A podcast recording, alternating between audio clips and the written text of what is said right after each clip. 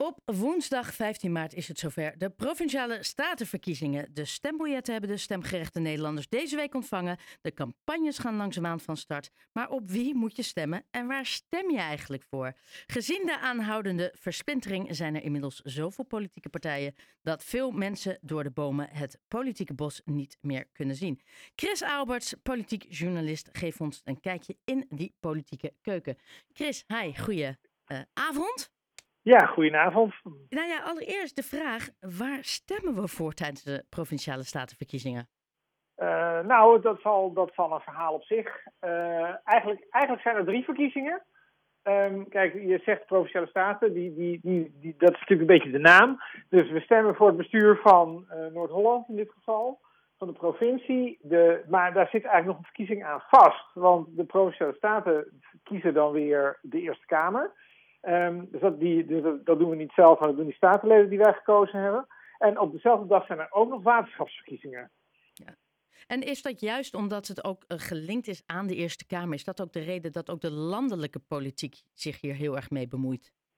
Uh, nou ja, kijk, het probleem is natuurlijk dat we heel weinig over de provincies horen. Dus um, een hele hoop mensen weten eigenlijk niet zo goed wat de provincie doet. Dus de provincie is een beetje onbekende, is een beetje onbekende bestuurslaag. Er gaat ook niet zo heel erg veel geld in om. Een hele hoop mensen vinden provincies niet zo heel erg interessant.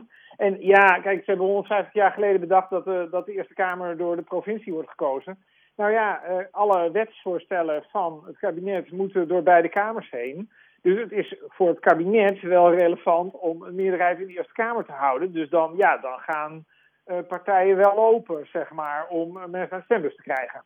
Ja, en nou spelen er binnen provincies misschien hele andere dingen. Misschien is wat in Noord-Holland van belang is weer heel anders dan wat er, nou ja, zeker in dit geval in, in Groningen of in uh, Limburg speelt.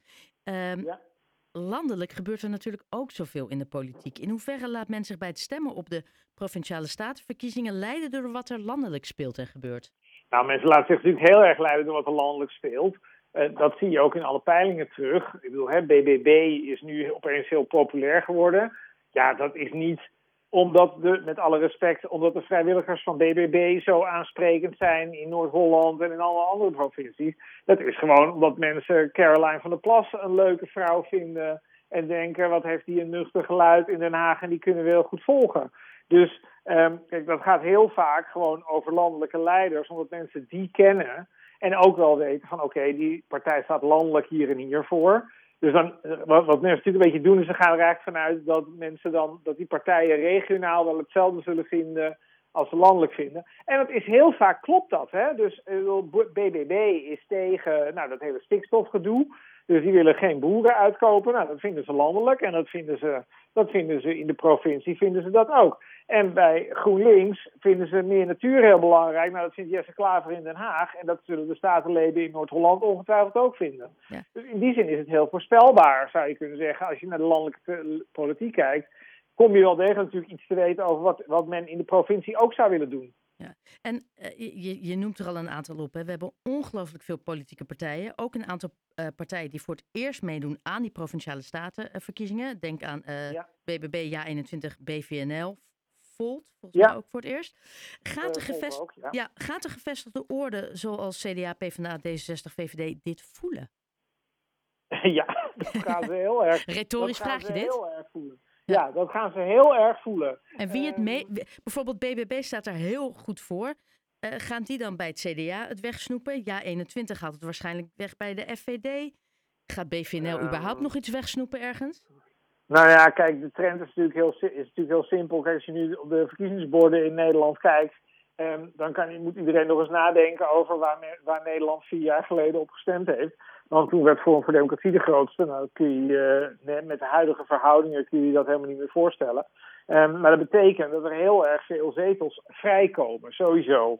Dus zelfs als iedereen behalve de FVD-stemmer precies hetzelfde stemt, dan zijn er bijvoorbeeld in Noord-Holland zijn er, zijn er negen zetels vrij. Nou ja, misschien is er één zetel die dan nog naar Forum voor Democratie gaat. En dan heb je er al acht waarom je kan, waarover, waarvoor je kan Ja, want denk je dat FVD heel erg gaat inleveren? Dat, dat, dat, dat, lijkt mij, dat lijkt mij zeker. Ik zou bijna zeggen, we moeten allemaal gaan emigreren als dat niet zo is. Um, ik mag toch hopen dat de mensen in Noord-Holland en elders um, het niet handig vinden om politici te verkiezen die vinden dat het wel prima is wat Poetin aan het doen is. want dat is toch ongeveer wat Forum tegenwoordig, wat Forum tegenwoordig roept. ja, dat, dat, dat zullen de meeste mensen vinden dat natuurlijk helemaal niks. Ook niet als je bijvoorbeeld hè, tegen migratie bent of tegen de EU. En er zijn natuurlijk, dat zei je zelf al, er zijn natuurlijk zat partijen gekomen. Als jij bijvoorbeeld minder migratie wil of je vindt stikstof onzin. Er zijn ontzettend veel alternatieven voor Forum voor Democratie. Dus je hebt Forum voor Democratie helemaal niet meer nodig als kiezer. Ja, want waar gaan die stemmen van uh, Forum voor Democratie dan heen? Dan vermoed ik ja 21, die uiteindelijk ook allemaal toch de meeste uit die uh, in ja, dat denken ze de ja, in zelf ook. Dat denken ze daar zelf ook. Nou, en denk jij dat ook? Helemaal zeker. Nou, dat weet ik niet helemaal zeker. Volgens mij loopt het niet zo bij jaar 21. Kijk, um, er zijn, kijk, het zijn allemaal mensen die in die hoek zitten, die tegen migratie zijn, die minder, ja, wat minder uh, fanatiek klimaatbeleid willen. Hè? Geen, geen zonneweiden en geen windmolens en zo.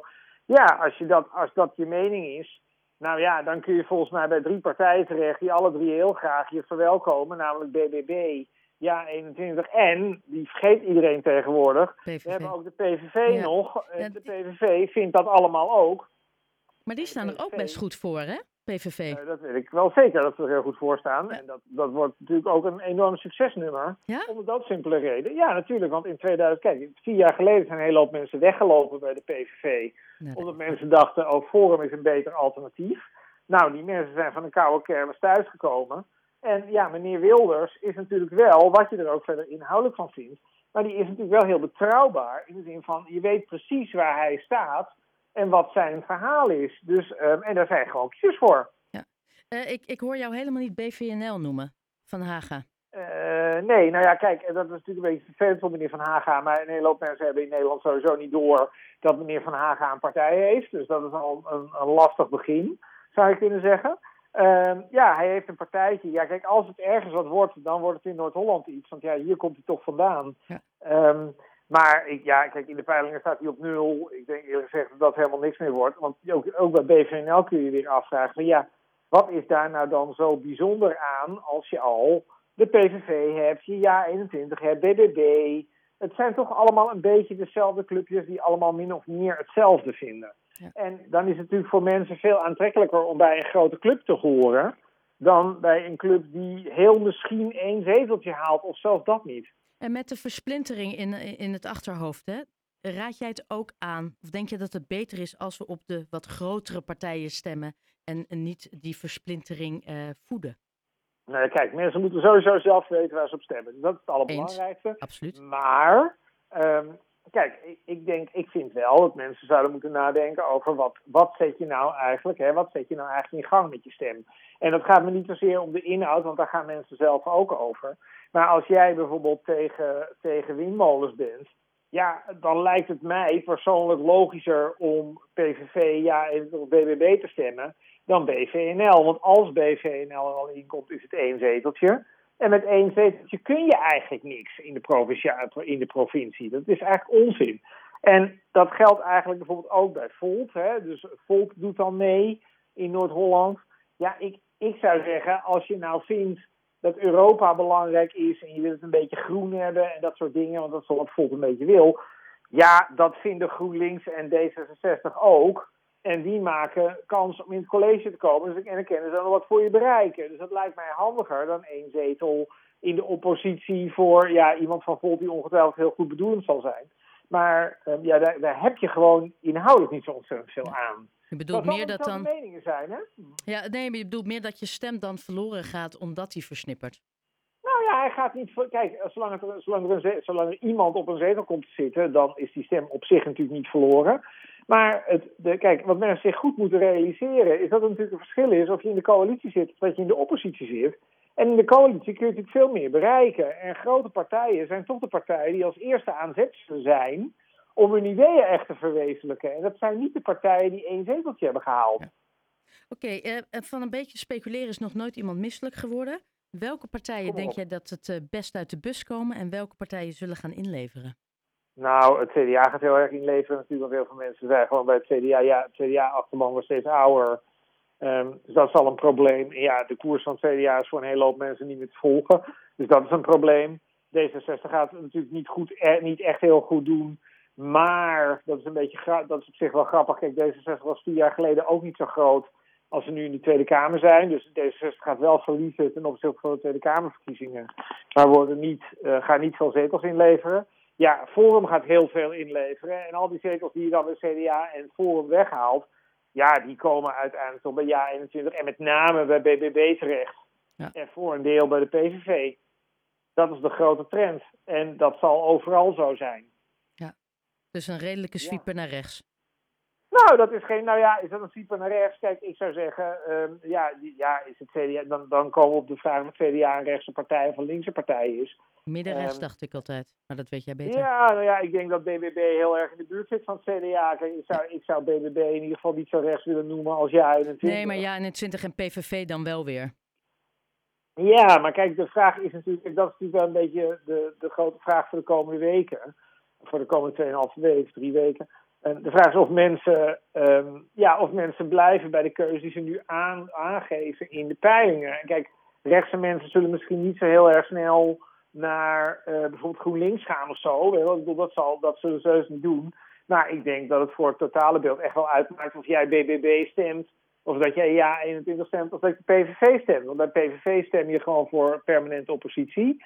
Terwijl als je ja 21 stemt, dan, nou ja, is er wel een kans dat het beleid echt recht zou worden. Dus dat zou op zich best interessant kunnen zijn voor kiezers op die flank.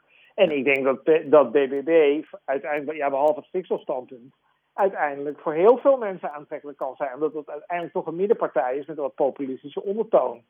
Want dat is wat ze zijn. Uh, Chris Alberts, politiek journalist, heel erg bedankt. En ik hoop je natuurlijk uh, in, in, in de toeloop na de provinciale statenverkiezingen nog een keer te spreken. Heel erg bedankt. Oké. Okay. Dank je.